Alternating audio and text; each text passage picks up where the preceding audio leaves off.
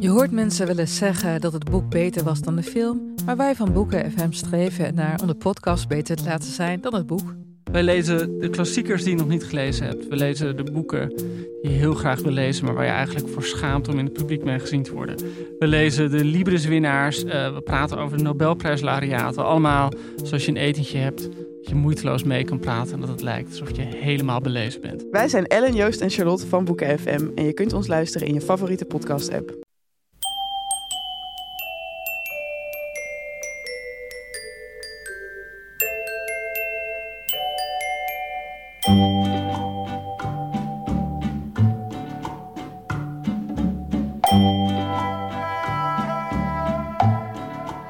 Welkom bij aflevering 368 van Echt Gebeurd.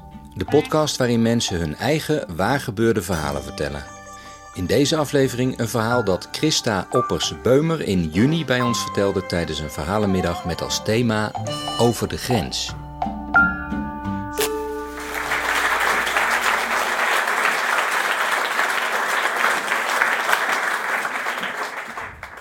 Als kind wist ik eigenlijk altijd al dat ik meer een jongensmeisje was dan een meisjesmeisje.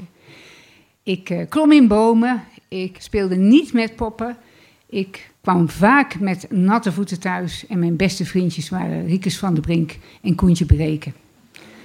Op mijn zesde ging ik naar judo, allemaal met jongetjes natuurlijk. En op mijn zestiende haalde ik mijn zwarte band. Ik kon alles. En op een moment als je dan gaat denken over wat wil je later worden, dacht ik van het moet in ieder geval uitdagend en uh, niet alledaags zijn. En uh, in het voorlaatste jaar van mijn middelbare school ging mijn toenmalige buurjongen, Marten Kruijf, naar de Koninklijke Militaire Academie in Breda. En dan kwam hij in het weekend thuis in zijn uniform en dan hing ik aan zijn lippen en dan wilde ik precies weten wat hij daar gedaan had. En dat vond ik ongelooflijk spannend en op een moment wist ik, ik wil gewoon ook officier worden. En toen op een gegeven moment dacht ik van ja, nou eindexamenjaar, ik ga solliciteren, ik ga kijken of dat gaat lukken. Dat was allemaal nog niet zo makkelijk, want er werden daar geen vrouwen toegelaten. En ik uh, heb het toch doorgezet en uiteindelijk is er een politieke beslissing voor nodig geweest om vrouwen toe te laten. En zo gebeurde het op 21 augustus 19 78 werd ik toegelaten en begon ik aan mijn opleiding op de KMA. En daar was toch nog wel enige sceptisch. Want er waren toch wel mensen die dat niet zo zagen zitten. Wat moeten vrouwen hier? Kunnen die dat wel? Nou ja, kortom, een heleboel als en maar dan. Maar ik had eigenlijk voor mezelf één doel. Ik dacht, ik ben hier binnengekomen en er is maar één manier waarop ik hier wegga. En dat is door de voordeur met een officiersbil, anders niet. En zo begonnen mijn vier jaren op de KMA. En dat was een tijd van studeren, militaire vaardigheden leren, sporten, uh, met je uh, jaargenoten een heel mooi koorleven opbouwen. En ik voelde me daar ongelooflijk thuis. Ik heb uh, vier hele mooie jaren gehad en die werden bekroond uiteindelijk met na je officiersexamen, je officiersbul. En als eerste vrouw in 150 jaar bestaan van de KMA kreeg ik die. Dus daar was ik razend uh, trots op. En, en eigenlijk nog mooier, in die vier jaar uh, vond ik uh, de liefde van mijn leven. En Peer, die zit daar. Dus helemaal gaaf. En het was toen 1982. Ik werd beëdigd als tweede luitenant van de Koninklijke Luchtmacht. En in die tijd eh, was er in de wereld uh, behoorlijk wat los. We zaten midden in de Koude Oorlog. Duitsland werd gedeeld door een vreed ijzeren gordijn. Rusland stond tegenover het Vrije Westen, het Warschau-pact tegenover de NAVO. En de NAVO had dus eigenlijk van helemaal Noord-Europa tot diep in het zuiden een hele grote verdedigingslinie gebouwd in een aantal jaren. Die verdedigingslinie uh, die bestond uit uh, raketten. En uh, ik moest op dat moment mijn eerste functie gaan vervullen als tweede luitenant. En ik heb gekozen toen om vuurleidingsofficier te worden bij zo'n groep met grote raketten. Ik werd opgeleid, ik slaagde daarvoor. En toen ging ik over de grens bij Enschede naar Duitsland, naar de 12e groep geleide wapens.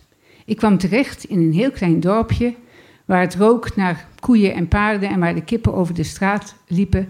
En als je door het dorpje heen was, kwam je bij een dubbel hek, zwaar bewaakt.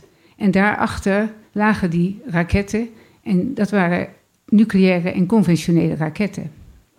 En als je dan vuurleidingsofficier bent, wat doe je dan eigenlijk de hele dag?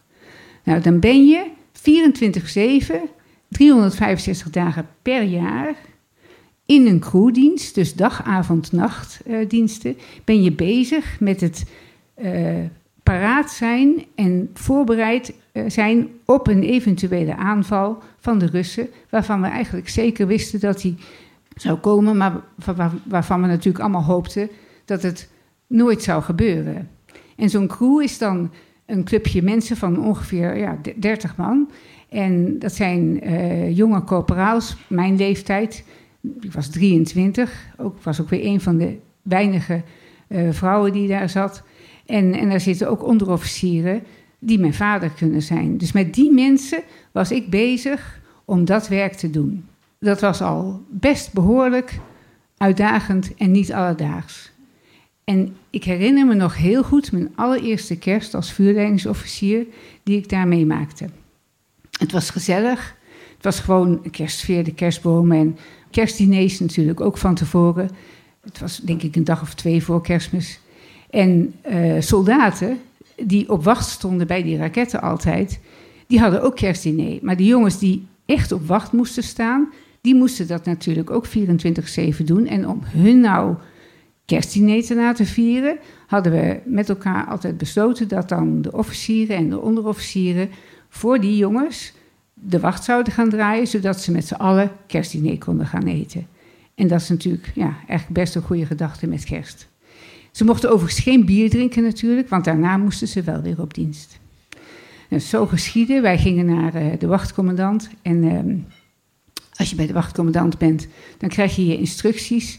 Je krijgt je wapen, je krijgt je Motorola en dan ga je op dienst. En die raketten worden uh, eigenlijk uh, omheind door een dubbel hek. En dat dubbele hek, daartussen staan een aantal wachttorens. Dus je moet je voorstellen, je loopt naar buiten bij de wachtcommandant. Je gaat naar de eerste toren, je klimt erop. Je gaat weer naar beneden als je 15 minuten gestaan hebt. En zo ga je al die torens langs en dan ben je op een gegeven moment weer klaar. Dus het was op een gegeven moment mijn beurt om wacht te lopen. En ik denk dat ik op de tweede toren stond. Het was heel erg koud dat die dag gesneeuwd. Dat deed daar uh, en in die winters uh, nog wat vaker dan nu. De adem die kwam in wolkjes uh, uit mijn mond. En ik zag heel in de verte, want het was overal prachtig wit. En ja, zo'n kerstboom die dan in de verte staat in het dorpje, dat, dat zie je dan op een grote afstand. En ik, ik neuriede zacht, een beetje stille nacht voor me heen. En kijk dan naar het oosten, maar eigenlijk ook een beetje draaiend en kijkend, zie ik dan zo achter mij uh, die raketten staan. En er staan er een aantal van onder een loods. Maar er staan er ook een aantal van, die staan gewoon klaar. En dat zijn raketten waar, waar ik uiteindelijk, als ik mijn vuurleidingsofficiertaak doe, met mijn vinger aan de knop of met mijn duim aan de knop zit om die echt af te schieten. Dat is dus best een, een, verantwoordelijkheid voor degene die die, eh, die die taak hebben. Op dat moment, als je daar staat en daarnaar kijkt, dan denk je: hoe bizar is dit? Niemand wil dit. Het moet toch, we doen het met z'n allen. En ook gelijk het gevoel van: maar wat we dus doen, dat doet er iets toe, want we doen het met z'n allen om te bewaken wat we nu hebben. Wij staan ervoor om het, het, vrije democratische Westen te verdedigen. En dat doen we met z'n allen. En ook dat besef, dat, het, dat ik daar sta en dat ik daar sta, maar niet alleen, want van Noord-Noorwegen tot diep in Zuid-Europa staat die hele linie en staan dus op dit moment allemaal militairen dit te doen. Die staan of te bewaken of die doen die vuurleidingstaak die ik normaal dagelijks doe. En dat was zo'n ongelooflijke ervaring in de zin van ja, ik wil iets doen wat uitdagend is en niet alledaags. En dat heb ik gevonden. En het doet er ook nog echt eens toe. Ja, ik, ik, ik had altijd al het gevoel dat ik op mijn plek zat, maar dat viel toen echt helemaal eh, letterlijk op zijn plek. Ik uh, moest weer naar beneden, want mijn Motorola kraakte. Dus dan, dan loop je verder en ga je naar de volgende toren. En uiteindelijk is je rondje klaar en dan kom je weer in de crewroom. En dan drink je een bak koffie met een stuk kerstol erbij. En dan is het toch gewoon een hele bijzondere avond waarin je uh, met elkaar weer vrolijk bent. En eigenlijk ook die oorlog aan de ene kant uh, zo dreigend dichtbij lijkt te zijn. En aan de andere kant toch ook alles weer heel gewoon. Uiteindelijk hebben Peer en ik daarna nog twaalf jaar gewoond en gewerkt voor de Koninklijke Luchtmacht in Duitsland.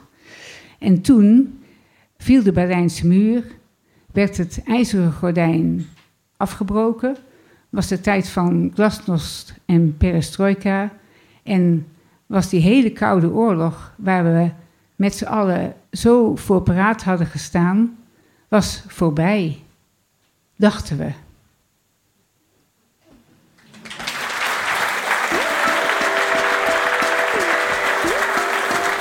Dat was een verhaal van Christa Oppers-Beumer. Christa was dus in 1982 de eerste en toen enige vrouw die afstudeerde aan de Koninklijke Militaire Academie in Breda. Haar eerste plaatsing was bij de 12e groep geleide wapens in Duitsland, waar ze als Battery Control Officer Nike verantwoordelijk was voor de bescherming en beveiliging van een deel van het NAVO-luchtruim. Na haar laatste plaatsing als Nederlands defensieattaché in Canada ging ze in december 2017 met functioneel leeftijdsontslag. En in haar vrije tijd is ze nu actief in verschillende stichtingen en verenigingen voor veteranen en postactieve militairen. Dit was aflevering 368 van de Echt Gebeurd podcast, gemaakt door mij, Gijsbert van der Wal, die je nu ook hoort omdat Paulien Cornelissen en Micha Wettheim allebei met vakantie zijn. Behalve uit Micha en Paulien bestaat onze redactie uit Bijke Aarts, Renette Kwakkenbos en Tom van Rooyen. Onze productieleider is Hanna Ebbingen en de zaaltechnicus was Jasper van Oorschot. Volg ons op Twitter, Instagram of Facebook en steun ons als je wil via vriendvandeshow.nl schuine streep echt gebeurd. Tot volgende week en vergeet ondertussen niet om af en toe de oorlogsdreiging te vergeten.